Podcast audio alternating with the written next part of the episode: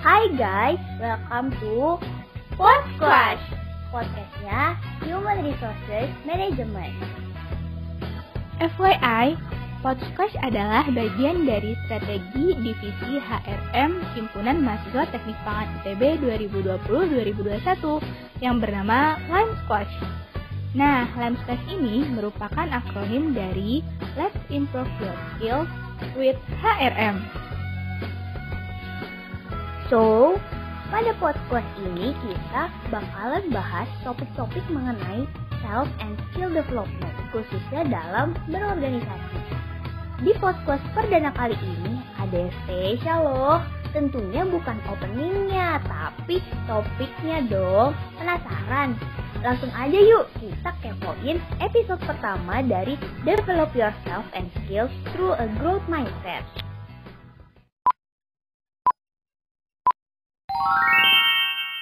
Ya, balik di episode 2 Pod Squash masih bersama aku, Cynthia, dan Kak Ezra membahas topik mengenai growth mindset.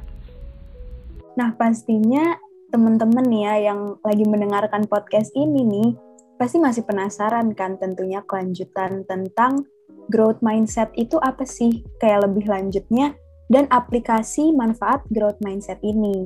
Nah, mungkin kita masuk nih ke next session di sesi dua kali ini, kita bakal bahas nih mengenai aplikasi, peran, dan manfaat dari growth mindset, baik dalam lingkup individu maupun lingkup kelompok.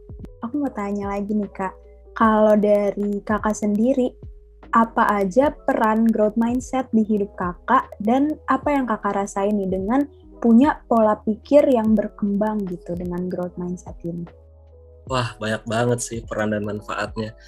Um, karena dengan growth mindset itu, um, gue jadi lebih berani mengambil keputusan untuk mengambil kesempatan-kesempatan yang pada akhirnya gue syukuri gitu, karena gue mengambil itu.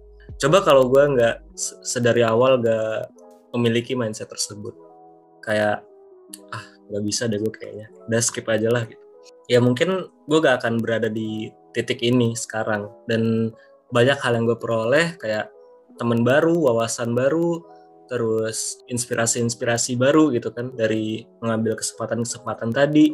Ya gue sangat bersyukur sih dengan hal itu. Kalau yang gue rasain ya, gue sangat bersyukur dengan pola pikir tersebut. Tapi juga kadang karena lu melihat, berusaha melihat segala sesuatu itu sebagai kesempatan belajar. Ya kadang gue ngerasa bersalah juga sih kalau uh, ketika ketika gue berpikir ah kayak nggak dulu deh gak mengambil kesempatan ini dulu. Tapi it's okay banget it's okay kayak uh, it's it's always happen gitu. Dan itu nggak salah. Kayak apa ya? Belajar kan bisa di mana-mana juga ya. Nggak harus di kesempatan A B C.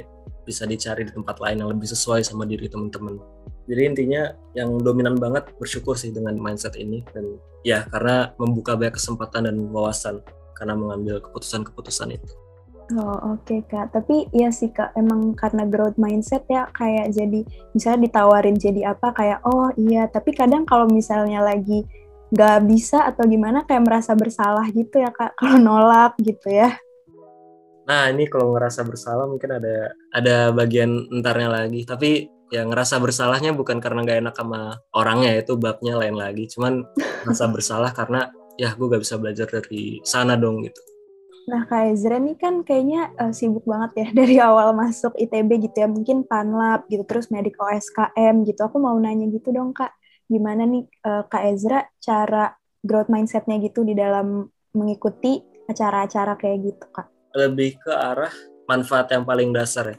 Ketika gue diberi tanggung jawab tertentu, ketika gue diberi uh, amanah tertentu, gue bisa langsung dengan yakin berpikir kalau gue bisa menyelesaikan itu meskipun pada saat itu mungkin kemampuan gue belum sanggup untuk menyelesaikan itu semua. Somehow hal itu tuh membantu teman-teman untuk lebih maksimal sih dalam melaksanakan tanggung jawab teman-teman. Coba bayangin, ketika dikasih amanah, ketika menjalani tanggung jawab, tapi state of mind teman-teman tuh di awal kayak nggak yakin sih, nggak nggak bakal bisa mengerjakan ini sih gitu. Itu udah main blocking duluan sih jatuhnya. Udah main block dan jatuhnya pas uh, tanggung jawab itu berjalan teman-teman nggak maksimal menjalaninya ya gue gak tahu kenapa bisa kayak gitu ya cuman biasanya seperti itu Nah, kalau dari awal udah yakin kalau teman-teman bisa, kalau dengan berusaha teman-teman bisa menyelesaikan itu, nah uh, insya Allah gitu ya harapannya teman-teman akan maksimal ngejalanin amanah yang dikasih. Nah, kalau udah menjalani dengan maksimal kan berarti outputnya baik gitu kan. Pada akhirnya itu akan meningkatkan kepercayaan rekan kerja teman-teman ke pribadi teman-teman dan membuka peluang-peluang lainnya. Wah, keren-keren. Nah, aku jadi pengen nanya lanjut lagi nih, Kak. Tadi kan uh, tentang panlab medik gitu ya. Nah, sekarang kan Kak Ezra udah jadi ketua himpunan gitu ya. Gimana caranya Kak Ezra tuh nyusun himpunan dan nyusun osjur mungkin gitu dengan menggunakan growth mindset ini? Kan Kak Ezra jadi ketua himpunan gitu ya sekarang. Oke, okay. um, sebenarnya growth mindset itu bukan sebuah tools ya, bukan sebuah tools atau framework. Mungkin skill juga bukan tapi itu lebih ke cara kita melihat keadaan kalau gue mikirnya uh, jadi kalau pertanyaannya bagaimana dengan growth mindset ini gue bisa merancang uh, pencalonan-pencalonan gue sebelumnya uh, itu membantu dalam hal kayak ketika gue sadar gue harus meninjau aspek A, B, C, D. Gue yakin gue bisa melakukan itu gue yakin bisa menyelesaikan itu dengan berusaha semaksimal yang gue bisa. Dan meskipun itu susah karena gue udah punya mindset tadi gue akan tetap tetap menjalani dengan semaksimal yang gue bisa gitu untuk mendap uh, dan berusaha mendapatkan output yang terbaik juga mungkin kalau bisa kasih contoh kalau pas osjur ya konteksnya kalau pas osjur uh, gue harus menganalisis kondisi angkatan yang bakal diosjur. Berarti kan harus ngelihat lebih uh, dalam ke emosi dan perilaku mereka ya. Yang mana itu bukan hal yang mudah. Tapi dengan growth mindset yang gue terapkan, gue percaya kalau kalau gue bisa bisa menganalisis data-data tersebut, menganalisis uh, angkatan yang akan osjur nantinya dengan cara yang lebih baik. Poinnya di situ gue percaya gue bisa melakukan ini dengan lebih baik. Maka dari itu gue berani untuk menggunakan framework yang lain yang gak biasa dilakukan kayak contoh kalau yang menganalisis kondisi angkatan gue kalau orang-orang kan biasa pakai SWOT ya nah gue selain pakai SWOT gue coba nih adaptasi metode empathy map terus kalau buat himpunan perancangan himpunan um, gue juga pada akhirnya jadi mem memberanikan diri untuk menganalisis kondisi dirgantara Indonesia dan dunia lebih dalam gitu. Karena gue percaya gue bisa menganalisis itu. Gue bisa membuat perancangan gue lebih baik dengan mempertimbangkan hal-hal itu kayak gitu. Itu karena growth mindset lah gue jadi berani untuk uh, apa memulai menggarap hal-hal tersebut. Lebih ke dorongan ya dorongan di awalnya sih. Dan dorongan untuk terus konsisten juga Oke, wah keren banget ya Kak Ezra. Emang kalau misalnya mau melakukan sesuatu emang kita harus dari dorongan diri sendiri gitu ya Kak. Dan harus punya growth mindset ya pastinya. Iya. Nah, uh, kalau dari kakak nih gimana sih untuk mengembangkan growth mindset kakak dalam tim atau dalam kelompok uh, kelompok belajar gitu atau di akademi kuliah atau dalam organisasi gitu kak. Gimana sih cara mengembangkan growth mindset?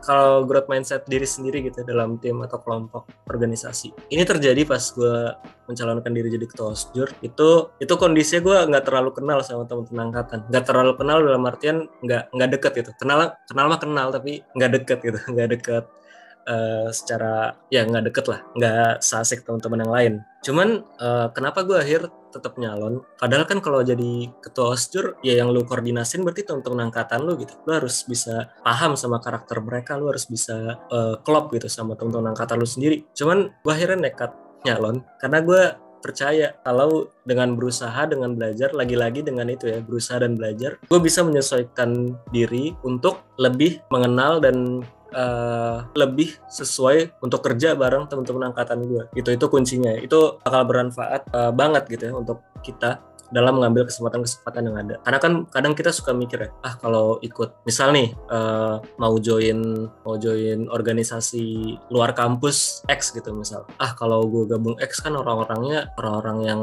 uh, apa ya, let's say orang-orang sosial atau orang-orang yang uh, ngerti banget soal humaniora atau orang-orang yang asik-asik lah gitu. Tapi kalau kita punya growth mindset, kita percaya kalau gue bisa sih beradaptasi di sana, gue bisa beradaptasi di mana pun, gue bisa beradaptasi di lingkungan seperti apa pun. Dan itu akan sangat membantu teman-teman untuk memperluas jaringan teman-teman juga. Dan ya kita tahu sendiri kan jaringan networking itu sesuatu yang esensial banget di era saat ini gitu. Karena dengan networking kita bisa melakukan apa ya itu untuk mengembangkan growth mindset diri sendiri ya. Kalau mengembangkan growth mindset orang lain, uh, gue biasanya suka mengajak untuk membayangkan gitu, membayangkan apa yang terjadi di masa depan kalau mereka mau mengambil atau ya mengambil suatu tanggung jawab apa pun. Itu yang pernah gue coba untuk ngajak temen gue jadi kadep di himpunan kayak gue persuasiinnya kayak gitu. Bayangin dah kalau lo mengambil ini ntar lo bisa uh, jadi orang yang apa apa apa, apa.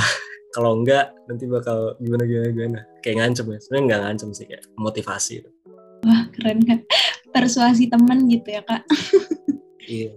Nah, kalau menurut Kak Ezra nih, apa aja nih hal yang bisa dilakuin nih untuk menerapkan growth mindset dalam kehidupan kita sehari-hari gitu? Uh, mungkin ini ya, tadi kan yang gua, udah gue sempat singgung juga, kalau ngelihat kesempatan apa pun kayak rekrutmen, lomba, atau orang lain yang bisa mencapai prestasi apa pun, cobalah untuk berpikir kayak, ya suatu saat gue bisa menjadi seperti itu kok. Misalkan Cynthia nih Cynthia ngelihat lomba bisnis case. Ya suatu nggak ada salahnya gitu uh, Cynthia mikir kayak satu tahun lagi mungkin uh, Cynthia juga bisa kok jadi seorang business woman yang handal gitu misalkan. Atau jadi seorang yang punya insting bisnis yang bagus. Mulai dengan membiasakan hal tersebut.